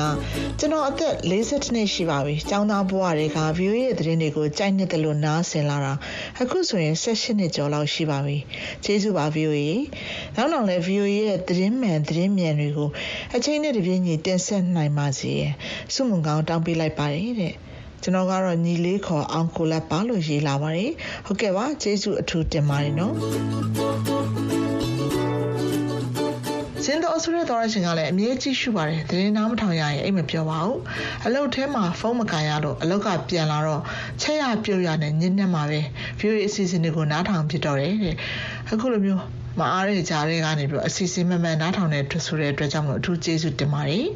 သူစားအောင်ဆိုတဲ့တော်ရရှင်ကတော့သတင်းသစ်လေးတွေရကျင်လို့ပါတဲ့နိုင်ငံတကာသတင်းတွေရောအများကြီးနားထောင်ပါတယ်တဲ့ဟုတ်ကဲ့ပါမသူစားအောင်ရင်သတင်းသစ်တွေပုံမှန်ရယူခြင်းနဲ့ဆိုတော့ကျမတို့ VOA ကပေးပို့တဲ့ email သတင်းလွှာကိုလိုချင်တယ်ဆိုပြီးတော့ကျမတို့စီကိုစာရေးပေးပါနော် email လေးကိုပို့ပေးလိုက်ပါကျမတို့အဲ့လိုမျိုးနေ့စဉ်သတင်းလွှာလေးကိုပို့ပေးမှာဖြစ်ပါတယ်အဲ့မှာသတင်းကောင်းစင်တွေပါပြီးတော့အဲ့ကနေတစ်စင်သတင်းအကျယ်တဝင့်ပြန်ပြီးတော့ဖတ်လို့ရပါတယ်ရှင် ဒါနဲ့ကျမကို VOA ကထုတ်လွှင့်ပေးတဲ့အစီအစဉ်တွေကတချင်းတစ်ပုတ်ကြိုက်လို့ပါဆိုပြီးတော့စာရေးပြီးမေးလာတဲ့သောရရှင်ကတော့အခုကျမတို့နေမှာဆိုတော့ပုံမှန်အားပေးနေပါတယ်ရှင် VOA Burmese အမျိုးသမီးကဏ္ဍကနောက်ခံတခြင်းကိုအရန်ကြိုက်လို့ပါတခြင်းကောင်းစဉ်လေးပြောပြလို့ရမလားရှင်ဒေါင်းလို့ဆွဲပြီးတော့နားထောင်လို့ရအောင်ပါဖြစ်နိုင်ရဲ့ email ကနေစာပြန်ပေးပါနော်ရေဒီယိုတစ်ခါတလေ line မကောက်လို့ပါဟုတ်ကဲ့ပါ ဒီသောရရှင်ကအခုမှဒီဟာလေးမေးလာတာအရင်တော့ကျမဖြေတာတွေမကြားလိုက်ဘူးထင်ပါတယ်နော်ဒီအမျိုးသမီးကဏ္ဍရဲ့တခြင်းနဲ့ပတ်သက်ပြီးတော့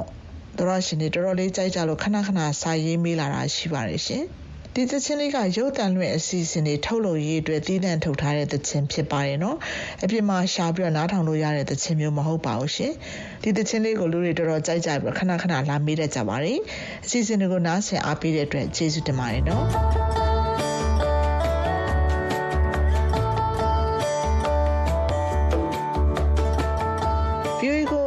လာကြတဲ့သောရရှင်တွေထဲမှာတော့အများသောအားဖြင့်မြန်မာနိုင်ငံမှာနေ့စဉ်ကျင်လည်နေရတဲ့လူမှုဘဝအခြေအနေတွေပြီးတော့တွေးကြုံနေရတဲ့နိုင်ငံရေးအခြေအနေတွေနဲ့ပတ်သက်ပြီးတော့ကိုယ်ပိုင်တွေးကြုံတွေကိုယ်ပိုင်ထင်မြင်ယူဆချက်တွေကိုရေးလာကြတဲ့သောရရှင်တွေရဲ့စာတွေကိုအမြဲတမ်းရရှိပါတယ်နော်ဒီတဲ့ကစာတွေကိုလည်းအပတ်စဉ်တိုင်းထည့်ပြီးတော့ဖော်ပြပေးနေပါတယ်ဒီဘက်သောရရှင်တယောက်ကတော့ မင်္ဂလာပါဗျာဗီဒီယိုကိုအမြဲတမ်းအားပေးနေပါတယ်အရင်ကစာမရေးဘူးပဲမဲ့ရေဒီယိုကနေပြီးတော့အမြဲတမ်းနားဆင်အားပေးနေတာပါအခုတော့ရင်ဖွဲ့စရာလေးရှိလို့စာရေးလိုက်ပါတယ်เนาะဆိုတော့သရရှင်လူငယ်ဖြစ်ပါတယ်သူကကျေးဇူးပြုပြီးကျွန်တော်ရဲ့အကောင့်လှုပ်ဝက်ပေးထားပါတယ်ရွာငယ်တွေကလူငယ်တူဖြစ်ပါတယ်ဆိုပြီးရေးလာပါတယ်ကျွန်တော်တို့လူငယ်တွေဟာအကူစရာမဲ့နေတဲ့အခြေအနေတစ်ခုကိုရောက်နေတာပါကူရကေယာမဲ့တဲ့ဘဝပါဗျာ ဘာလို့လဲဆိုရင် စကားစကားထုတ်ပြန်တဲ့ ပြည်သူစစ်မှုထမ်းဥပဒေကြောင့်ပါ စစ်တပ်ရဲ့ လုပ်ရက်တွေကြောင့် တိုင်းသားတယောက်အနေနဲ့ဆရာနာရှင်တွေကိုရုံးရှာမုန်းတိနေပါတယ်ဆိုနေမှ ဒီဥပဒေက ပြည်သူတွေရဲ့ အနာဂတ်ကို ရည်ရွယ်ချက်ရှိရှိပျက်စီးလိုက်တာပါ သူတို့ပြောတဲ့ ပြည်သူစစ်မှုထမ်းဥပဒေမှာ လူ73သန်း အကျုံးဝင်တယ်လို့ ပြောပါတယ် ဒါဟာ လုံးဝမဖြစ်နိုင်တဲ့ အခြေအနေတစ်ခုပါ စကားစအာနာသိမ့်ပြီးတဲ့ကတေလဲတေးပြေးရင်ပြေး လူငယ်တွေလည်း တော်တော်ညော့သွားပါပြီ။ ဥမာပြောရရင်2019တုန်းကဆိုရင်ချင်းပြည်နယ်၊ကယားပြည်နယ်လိုမျိုးမှာ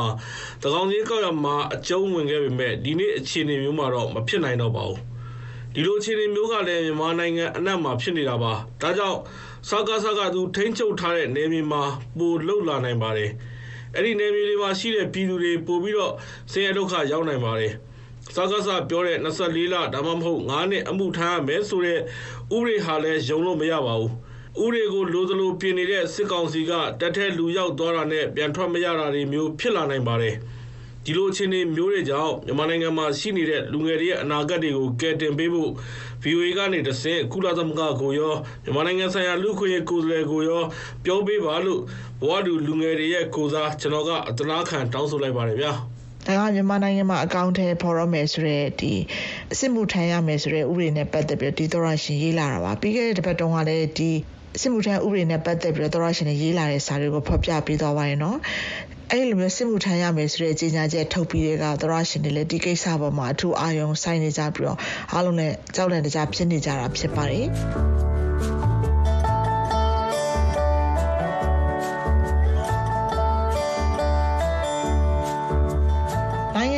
ကိုပိုင်ထင်မြင်ယူဆချက်ကိုရေးလာတဲ့သောရရှင်တယောက်ရဲ့စာကိုဆက်ပြီးတော့ဖော်ပြပေးသွားခြင်းပါတယ်။ VOA ဝိုင်းတော်သူဝိုင်းတော်သားတွေအားလုံးကျမ်းမာရွှင်လန်းကြပါစေဒါဒုတိယအကြိမ်စာရေးတာပါဆိုတော့ရေးလာတဲ့သောရရှင်မြန်မာနိုင်ငံကဒုက္ခတွေကိုတွေးရတာနဲ့ထိုင်ကြည့်နေတဲ့နှလုံးသားမဲ့တဲ့ကဘာကြီးမှာနေထိုင်နေရပါတယ်ဆိုပြီးတော့သူ့ရဲ့ထင်မြင်ချက်ကိုရေးလာပါတယ်။ online ပေါ်မှာဗီဒီယိုဖိုင်လေးတစ်ခုကြည့်လိုက်ရပါတယ်။လူစီကားတဲ့ကမ်းခြေတစ်ခုမှာသမီးကြီးစားဖြစ်ရန်တူတဲ့အတွက်တွေမှာ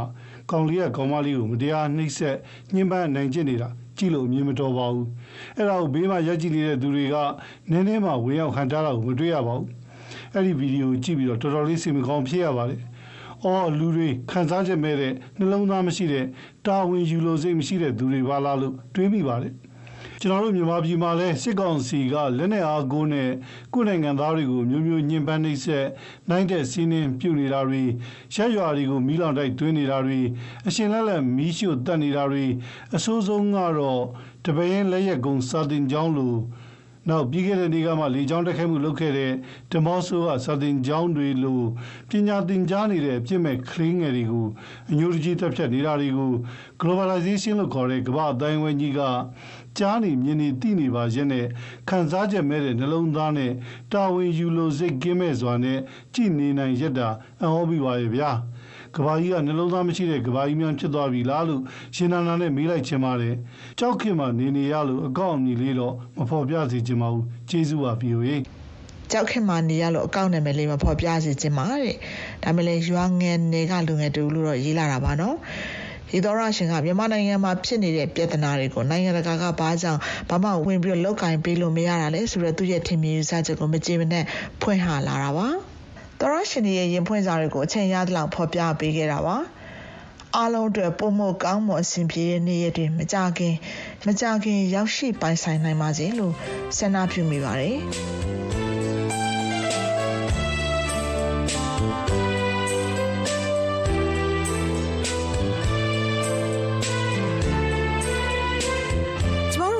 မြန်မာပိုင်းရဲ့ရုပ်မြင်သံကြားနယ်ရေဒီယိုစီစဉ်တင်ဆက်မှုတွေနဲ့ပတ်သက်ပြီးတော့အကြံပေးဝေဖန်ခြင်းနဲ့ပြီးတော့ကိုယ်တိုင်တွေ့ကြုံနေရတဲ့ဖြစ်ပျက်တွေနိုင်ငံရေးအခြေအနေတွေနဲ့ပတ်သက်ပြီးတော့ကိုယ်ပိုင်ချင်းမြင်ယူဆချက်တွေရင်ဖွင့်စာတွေရေးစင်ကြတယ်ဆိုရင်တော့ကျမတို့ view ကိုစာရေးသားဖို့ဖိတ်ခေါ်ပါရနော်။ email ကနေစာရေးမယ်ဆိုရင် bami@viewnews.com ကိုမြန်မာပြည်မှပေးစာများအစီအစဉ်ဆိုပြီးတော့ရေးသားပေးပို့နိုင်ပါတယ်။ Facebook အသုံးပြုတဲ့သူတွေအနေနဲ့လည်း VOA Burmese News ဆိုတဲ့ VOA မြန်မာပိုင်းရဲ့ Facebook စာမျက်နှာကိုတွားပြီးတော့မှတ်ချက်တွေလာပြီးတော့ရေးနိုင်တယ်လို့ VOA မြန်မာပိုင်း Facebook Messenger ကနေပြောလဲစာရေးပို့လို့ရပါတယ်။သောရရှင်တွေစီကတုံ့ပြန်အကြံပြုလာမှာတွေကိုစောင့်မျှော်ကြိုးစွနေပါတယ်ရှင်။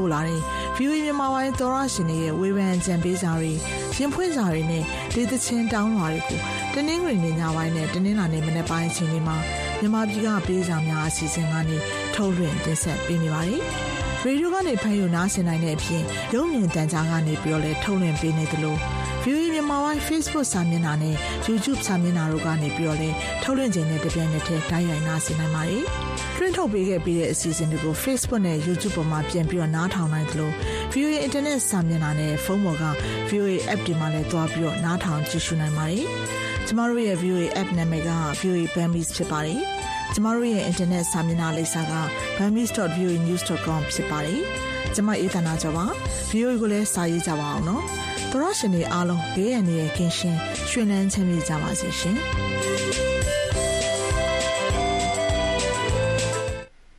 အခုဆက်ပြီးကမ္ဘာတစ်လွှာထူးခြားတဲ့သတင်းတွေကိုတင်ပြပေးပါမယ်။ဂျပန်နိုင်ငံမှာမျိုးသမီးတွေပထမဦးဆုံးအချိန်ပါဝင်ဆင်နွှဲတဲ့ကိုလုံးတီးပွဲတော်ကိုဖျားကြောင်းတစ်ခုမှာကျင်းပခဲ့ပါတယ်။ခရိုအေးရှားနိုင်ငံသူလူကတော့ရေခဲပြေအောင်ဘီတာအနက်140ကိုစံချိန်တင်ရင်ကုတ်ခဲ့ပါတယ်။ဒီသတင်းလေးတွေကိုကိုငင်းချမ်းနဲ့မက်ခင်ဖြူထွေးတို့ကတင်ဆက်ထားတာပါ။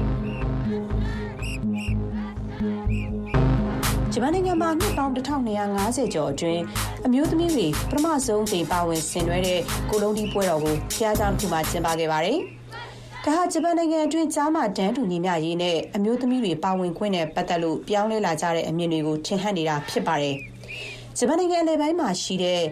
ကိုနိုမီယာဘုရားကျောင်းမှာကျင်းပတဲ့ဒီပွဲမှာအမျိုးသမီးအဖွဲ့9ဖွဲ့ပါဝင်ဆင်နွှဲခဲ့တာဖြစ်ပြီးကိုလိုနီပွဲတော်လို့နာမည်ပေးထားပေမဲ့လို့အမျိုးသမီးတွေကရိုးရာဝတ်စုံတွေကိုပဲဝတ်ဆင်ထားပြီးအမျိုးသားတွေကနိုင်ငံပိုင်းလေးတွေဝတ်ဆင်ထားတာပါဒီပွဲတော်မှာအမျိုးသမီးတွေအနေနဲ့ဝါးပင်တွေကိုထမ်းလာပြီးဖះเจ้าကိုလူဒန်းခဲ့ကြပါတယ်။အမျိုးသမီးတွေပါဝင်ခွင့်ကိုပိတ်ပင်ထားတာမရှိပေမဲ့လည်းသူတို့မပါဝင်တာကိုပဲဂျပန်လူအတိုင်းဝန်းကလက်ခံထားတာပါ။ အမျိုးသမီးတွေအနေနဲ့ပွဲတော်ရဲ့အဓိကအစိတ်ပိုင်းတစ်ခုဖြစ်တဲ့တယောက်နဲ့တယောက်တွန်းတွန်းတိုက်တိုက်လုပ်ပြီးမကောင်းဆိုးဝါးကိုမောင်းထုတ်တဲ့ပွဲမှာတော့ပါဝင်ခဲ့တာမရှိပါဘူး။အဲ့ဒီအပိုင်းကတော့အမျိုးသမီးတွေအနေနဲ့ပါဝင်ဖို့ခက်ခဲမယ်လို့အဲ့ဒီဖျားเจ้าကဘုန်းကြီးတစ်ပါးကပြောဆိုခဲ့ပါတယ်ရှင်။ခရိုအေးရှားနိုင်ငံသူဗလက်တီနာကဖိုလာဟာရေခဲပြင်အောင်မီတာအနက်140အထိဘာအထောက်အကူမှမပါဘဲအလွတ်ရင်ငုပ်ပြီး Guinness ကမ္ဘာမှတ်တမ်းစံချိန်တင်လိုက်ပါတယ်။ ရေရပြားတစ်ခုပဲခြေထောက်မှာတက်ဆင်ထားပြီးတော့အောက်ဆီဂျင်ဘူးမပါဘဲအေးဆက်နေတဲ့အီတလီ Alps တောင်တန်းတွေပေါ်က Lago di Aresavella ရေကန်ကြီးရဲ့အောက်ခြေကိုငုပ်ခဲ့တာပါ။သူရေငုပ်တဲ့အချိန်မှာရေရဲ့အပူချိန်က3 degree Celsius ပဲရှိပြီးတော့နှင်းတွေကကျနေတာပါ။ ရင်ငုပ်ချိန်1မိနစ်စက္ကန့်40ကြာခဲ့ပြီးသူ့ရဲ့နှလုံးခုန်နှုန်းက1မိနစ်ကိုအချက်50အထိရော့ကျသွားခဲ့တာပါသူဟာ2018ခုနှစ်ကဂျပန်နိုင်ငံသူယိုစုကိုအိုဇီကီက126မီတာရေငုပ်ပြီးတင်ထားတဲ့စံချိန်ကိုချိုးနိုင်လိုက်တာပါနောက်တရက်မှာပဲရေရက်နှစ်ခုနဲ့အနက်မီတာ80ကျော်အလွတ်ရင်ငုပ်ပြီးစံချိန်သစ်တင်ခဲ့ပါတယ်။ဆာဘီးယားနိုင်ငံဘဲလ်ဂိတ်မြို့တော်မှာဇူလိုင်လထဲကျင်းပမဲ့ကမ္ဘာအလွတ်ရင်ငုပ်ပြိုင်ပွဲမှာလည်းသူဝင်ရောက်ရှင်ပြိုင်ဖို့စီစဉ်ထားပါတယ်ခင်ဗျာ။ နိုင်ငံမှာလေကွန်နဲ့လှုပ်ထားတဲ့ကမ္ဘာအကြီးဆုံးနိုင်ငံစည်းရေးပကြီးပုံလူကြီးတစ်ခုဖန်တီးလိုက်ပါတယ်။အရှည်22မီတာအကျယ်1.84မီတာရှိတဲ့လေဂိုနိုင်ငံကြီးဟာ Brexit ကမ်းမှာစိုက်ကပ်ထားတဲ့သမိုင်းဝင် Notre Dame de Roman ကိုတင်မောပုံတူကိုဖန်တီးထားတာပါ။တမိုင်းဝင်သင်္ဘောကြီးကိုပြန်လည်ပြုပြင်ဖို့အတွက်ရန်ပုံငွေရှာခဲ့ကြတာဖြစ်ပြီးသင်္ဘောပြုပြင်ဖို့အတွက်ယူရို2သိန်းခွဲကျမယ်လို့လည်းခန့်မှန်းထားပါတယ်။ Guinness ကမ္ဘာ့စံချိန်အဖွဲ့ကတရားဝင်အကြီးဆုံးအဖြစ်အတိမတ်မပြုသေးပေမဲ့လို့လေကိုတုံးပေါင်း2သိန်းခွဲသုံးပြီးဖန်တီးထားတဲ့ဒီပုံကြီးကို Guinness အဖွဲ့ရဲ့အတိမတ်ပြုခံရဖို့လိုအပ်တဲ့ဓာတ်ပုံတွေအချက်လက်သက်သေခံချက်တွေကိုပေးပို့သွားမှာဖြစ်တယ်လို့ဒီပွဲကိုစီစဉ်ခဲ့သူတွေကပြောပါတယ်။ဒါမဲ့ဒီဖန်တီးထားတဲ့သင်္ဘောပုံတွေကို Guinness အဖွဲ့ကတရားဝင်မှတ်တမ်းတင်နိုင်အောင် Guinness အဖွဲ့ကနေလာရောက်အတိမတ်ပြုပေးဖို့ဖိတ်ခေါ်မယ်ဆိုရင်ယူရို1000ခွဲကုန်ကြမှာဖြစ်လို့ ဒီငွေကိုသင်္ဘောပြုပြင်ရမှာပဲသုံးစွဲဖို့အတွက်ဆုံးဖြတ်ခဲ့ပါတယ်ရှင်တရုတ်နိုင်ငံမှာလာမစိပဲမွေးဖွားလာတဲ့ကမ္ဘာအသေးငယ်ဆုံးကလေးငယ်တယောက်ရဲ့မွေးရပါလဲမျိုးချူရင်းချက်တစ်ခုကိုရှန်ဟိုင်းမြို့ရှင်ဝါဆေးရုံမှာအောင်မြင်မြင်ခွဲစိတ်ကုသပေးနိုင်ခဲ့ပါတယ်။စံစည်းလောက်ပဲရှိတဲ့တိုရာကိုစကုပ်လေချောင်းနဲ့ရင်ကောင်းကိုကြည့်နိုင်တဲ့ပိုက်ကလေးကိုတုံးပြီးလာမပြည့်ပဲမွေးဖွားလာတဲ့ကလေးငယ်တဦးကို အောင်မြင်မြင်ခွဲစိတ်ကုသပေးနိုင်ခဲ့တာပါဒီအမျိုးသားကလေးငယ်ရဲ့လေချောင်းအနောက်ကအစာရည်ပြွန်ဟာအောက်ဘက်ကအစာရည်ပြွန်နဲ့ချိတ်ဆက်မှုမရှိတာကြောင့်ဒါကိုပြုပြင်ဖို့အတွက်ခွဲစိတ်မှုလုပ်ခဲ့ရတာပါဒီလိုချိတ်ဆက်မှုမရှိတဲ့အတွက်နှိုးရည်ဟာအစာအိမ်စီကိုတေချာမရောက်နိုင်ပါဘူးဒီကလေးငယ်ဟာကိုဝင်32ပတ်မှာမွေးဖွားလာခဲ့တာဖြစ်ပြီးတော့အလေးချိန်1.2ပေါင်နဲ့ခန္ဓာကိုယ်အလျားတပေအောက်မှာပဲရှိတာပါ ပုံမှန်လားစေးတဲ့ကလေးငယ်တွေမှာ ခွဲစိတ်မှုအ ਨੇ ဆုံးဖြစ်တဲ့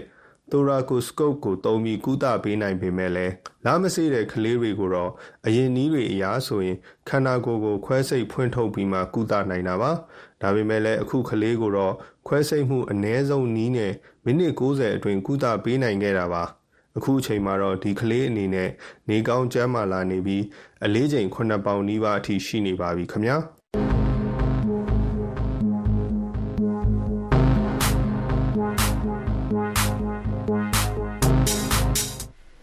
ထူးထူးခြားခြားသတင်းလေးတွေကိုကြားခဲ့ရတာဖြစ်ပါတယ် VOA ရုပ်သံကဆက်လက်အသံလွှင့်နေတာပါ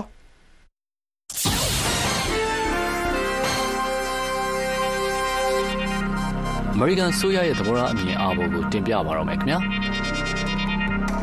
ကမ္ဘာလုံခြုံရေးအခင်းကျင်းသစ်မှာအမေရိကန်ပြည်ထောင်စုအနေနဲ့မိမိကိုယ်တိုင်နဲ့မိမိရဲ့မဟာမိတ်နိုင်ငံတွေလက်ရှိရင်ဆိုင်နေရတဲ့စိန်ခေါ်မှုတွေနဲ့အနာဂတ်မှာပေါ်ပေါက်လာမယ့်စိန်ခေါ်ချက်တွေရဲ့ရန်ကနေ ကာဝယ်နိုင်ရေးအတွက်စမ်းသစ်တီထွင်မှုနဲ့အတူ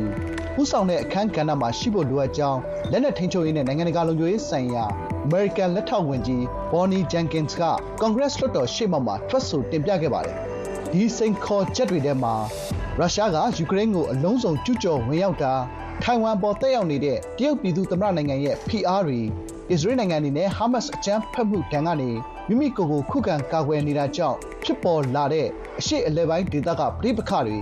ယီမင်နိုင်ငံကဟူသီအဖွဲ့ကကုံသွယ်စီးပွားသင်္ဘောတွေကိုတိုက်ခိုက်နေတာနဲ့ရုရှားမြောက်ကိုရီးယားနဲ့အီရန်နိုင်ငံတွေကြားပုံမနှဆိုင်လာတဲ့ပူးပေါင်းဆောင်ရွက်မှုတွေပါဝင်ပါတယ်လက်ထောက်ဝန်ကြီးဂျန်ကန်စ်ကအမေရိကန်ပြည်ထောင်စုအနေနဲ့လက်ရှိနဲ့အနာဂတ်မှာပေါ်ပေါက်လာနိုင်တဲ့ချင်းချောက်မှုတွေကိုတုံ့ပြန်နေကြောင်း အခုလိုပြောပါတယ် This administration has secured allied unity to ရုရှားနိုင်ငံကသဘောတူစာချုပ်ကနေနှုတ်ထွက်မှုကိုတုံ့ပြန်တဲ့အနေနဲ့ဥရောပရှိတမေယုကြလက်နက်ကင်တပ်ဖွဲ့များဆိုင်ရာသဘောတူစာချုပ်ကိုဆိုင်းငံ့ထားရေးမဟာမိတ်နိုင်ငံတွေရဲ့စီးလုံးညီညွတ်စွာထောက်ခံမှုနဲ့အတူရယူနိုင်ခဲ့ပါတယ်။ချက်အားမြင့်ဓာတ်ရိုက်အသက်အဆင်းလုံနိုင်တဲ့ဂျိုရူခွင်းဒုံးကျည်စမ်းသပ်မှုတွေမပြုလုပ်ဖို့နဲ့လက်ရောင်ကြီးသုံးလက်နက်တွေအသုံးမပြုရေးနိုင်ငံတွေကိုတောင်းဆိုထားတဲ့ကုလသမဂ္ဂဆုံးဖြတ်ချက်တွေကိုလည်းအမေရိကန်ပြည်ထောင်စုအနေနဲ့အဆိုပြုပြီးအတည်ပြုနိုင်ခဲ့ပါတယ်။ဒါအပြင်ဉာဏ်ရည်တုနည်းပညာကိုစစ်ဘက်ဆိုင်ရာအသုံးချမှုတွေအတွက်တာဝန်ခံတာဝန်ယူမှုရှိတဲ့လုံထုံးလုံနည်းတွေအတိမတ်ပြုလိုက်နိုင်ရေးမှာလည်းနိုင်ငံတကာကိုအမေရိကန်ပြည်ထောင်စုကဦးဆောင်နိုင်ခဲ့သလိုအမေရိကန်ဓာတုလက်နက်တွေတူလောင်ထားရှိမှုကိုလည်းရှင်းလင်းနိုင်ခဲ့ပြီးတော့အစုလိုက်အပြုံလိုက်တေကျေပျက်စီးနိုင်ကြောင်းသတ်မှတ်ထားတဲ့လက်နက်အမျိုးအစားအလုံးကိုလည်းဖယ်ရှားရှင်းလင်းနိုင်ခဲ့ပါတယ်။တပြိုင်တည်းမှာပဲအမေရိကန်ပြည်ထောင်စုအနေနဲ့နျူကလ িয়ার စွမ်းအင်နဲ့ ငြိမ်းချမ်းတဲ့နည်းနဲ့အသုံးပြုတဲ့နျူကလ িয়ার ကဏ္ဍတွေမှာနိုင်ငံတွေကိုအကူအညီပေးရင်းပူးပေါင်းဆောင်ရွက်နေတာကြောင့်နျူကလ িয়ার အန္တရာယ်ကာကွယ်ရေးနဲ့လုံခြုံရေးကိုအားကောင်းလာအောင်လှုပ်ဆောင်နိုင်နေတယ်လို့လက်ထောက်ဝန်ကြီးဂျန်ကင်စ်ကပြောပါတယ်။လုံခြုံရေးအရာထိရှလွယ်တဲ့အမေရိကန်နည်းပညာတွေကိုအလွဲသုံးစားလုပ်ခံရမှုကနေကာကွယ်နိုင်မှုဟန်တားတဲ့အစီအမံတွေကိုလည်းတိုးမြင့်ဆောင်ရွက်လျက်ရှိပြီးတပိုင်းလျက်ကူပစ္စည်း semiconductor နဲ့တခြားထွန်းသက်စနည်းပညာတွေကို ကာကွယ်နိုင်ရေးလှုပ်ဆောင်လျက်ရှိကြောင်းပြောပါတယ်။အရင်ဒီဆုံးမာမိတ်နိုင်ငံတွေနဲ့တသားတဲ့အထူတကွရက်တီဆောင်ရွက်နေတာကအမေရိကန်ပြည်ထောင်စုရဲ့အသိမှတ်ပြုထိုက်တဲ့တန်ခင်းတမန်ခင်းအမှတ်လက္ခဏာတွေကတစ်ခုဖြစ်တယ်လို့လက်ထောက်ဝန်ကြီးဂျန်ကင်စ်ကပြောပါတယ်။ထိုင်ဝမ်ရဲ့ကိုပိုင်ကာဝေးစမ်းရည်တွေအားကောင်းလာစေရေးပြင်မဟာမိတ်နဲ့မိတ်ဖက်နိုင်ငံတွေရုရှားလုံလက်နက်ပစ္စည်းတွေကနေကင်းလွတ်နိုင်ရေးအတွက်လည်းအမေရိကန်ပြည်ထောင်စုကကူညီပေးနေကြောင်းလက်ထောက်ဝန်ကြီးကထောက်ပြပါတယ်။ AUKUS လို့လူသိများတဲ့ Australia, Britain နဲ့ American ပြည်ထောင်စုတို့ကြားသုံးနိုင်ငံလုံခြုံရေးပူးပေါင်းဆောင်ရွက်မှုက American တန်တမန်ရေးရာမှာအဓိကစံနမူနာတစ်ခုအဖြစ်လက်ထောက်ဝန်ကြီး Jenkins ကညွှန်းဆိုပါတယ်။ a generational opportunity that deepens cooperation with ကျမတို့ရဲ့အရင်းနှီးဆုံးမဟာမိတ်တွေနဲ့ပူးပေါင်းဆောင်ရွက်မှုကိုနှဆိုင်စေတာကမျိုးဆက်သစ်အတွက်အခွင့်အလမ်းတစ်ခုဖြစ်ပြီးတော့ဒါဟာအမေရိကန်ပြည်ထောင်စုအတွက်ရေရှည်ကာကွယ်ရေးစွမ်းရည်နဲ့လုံခြုံရေးဆိုင်ရာပူးပေါင်းဆောင်ရွက်မှုတွေကိုအားကောင်းစေကလွတ်လပ်ပြီးပွင့်လင်းတဲ့အင်ဒိုပစိဖိတ်ဒေသအတွက်ဘုံသဘောတူညီမှုမျှဝေတည်ရှိတဲ့သဘောထားအမြင်ကိုဆက်လက်တိုးတက်စေမဲ့ပြတ်သားတဲ့လမ်းကြောင်းတစ်ခုကိုဖော်ဆောင်ပေးနေပါတယ်။ဒါဟာဒေသရင်းနဲ့ကမ္ဘာတွင်းအတွက်နျူကလ িয়ার မပြန့်ပွားရေးစံချိန်စံညွှန်းတွေအတွက်အားကောင်းတဲ့အဟန့်အတားနဲ့ခိုင်မာတဲ့ဂရိကဝတ်တွေကိုလည်းစောင့်ကြည့်ပေးနေပါတယ်။ရန်ဘက်နိုင်ငံတွေဒါမှမဟုတ်ပြိုင်ဘက်နိုင်ငံတွေလှုပ်ဆောင်နေတဲ့နယ်ပယ်တွေနဲ့ပတ်သက်ပြီးအနာဂတ်မျိုးဆက်လုံခြုံစိတ်ချစွာရပ်တည်နိုင်ရေးအတွက်အမေရိကန်ပြည်ထောင်စုအနေနဲ့ဘလို့အရေးယူဆောင်ရွက်မလဲဆိုတာကိုလည်းရှင်းရှင်းလင်းလင်းသိမြင်နားလည်ထားပြီလို့လည်းလက်ထောက်ဝန်ကြီးဂျန်ကင်စ်ကပြောပါတယ်။ ပတ်စင်အစီအစဉ်တွေကတော့ဒီလောက်ပါပဲခင်ဗျာခုတော့သတင်းကြီးချုပ်ကိုပြောပြပါဦးမယ်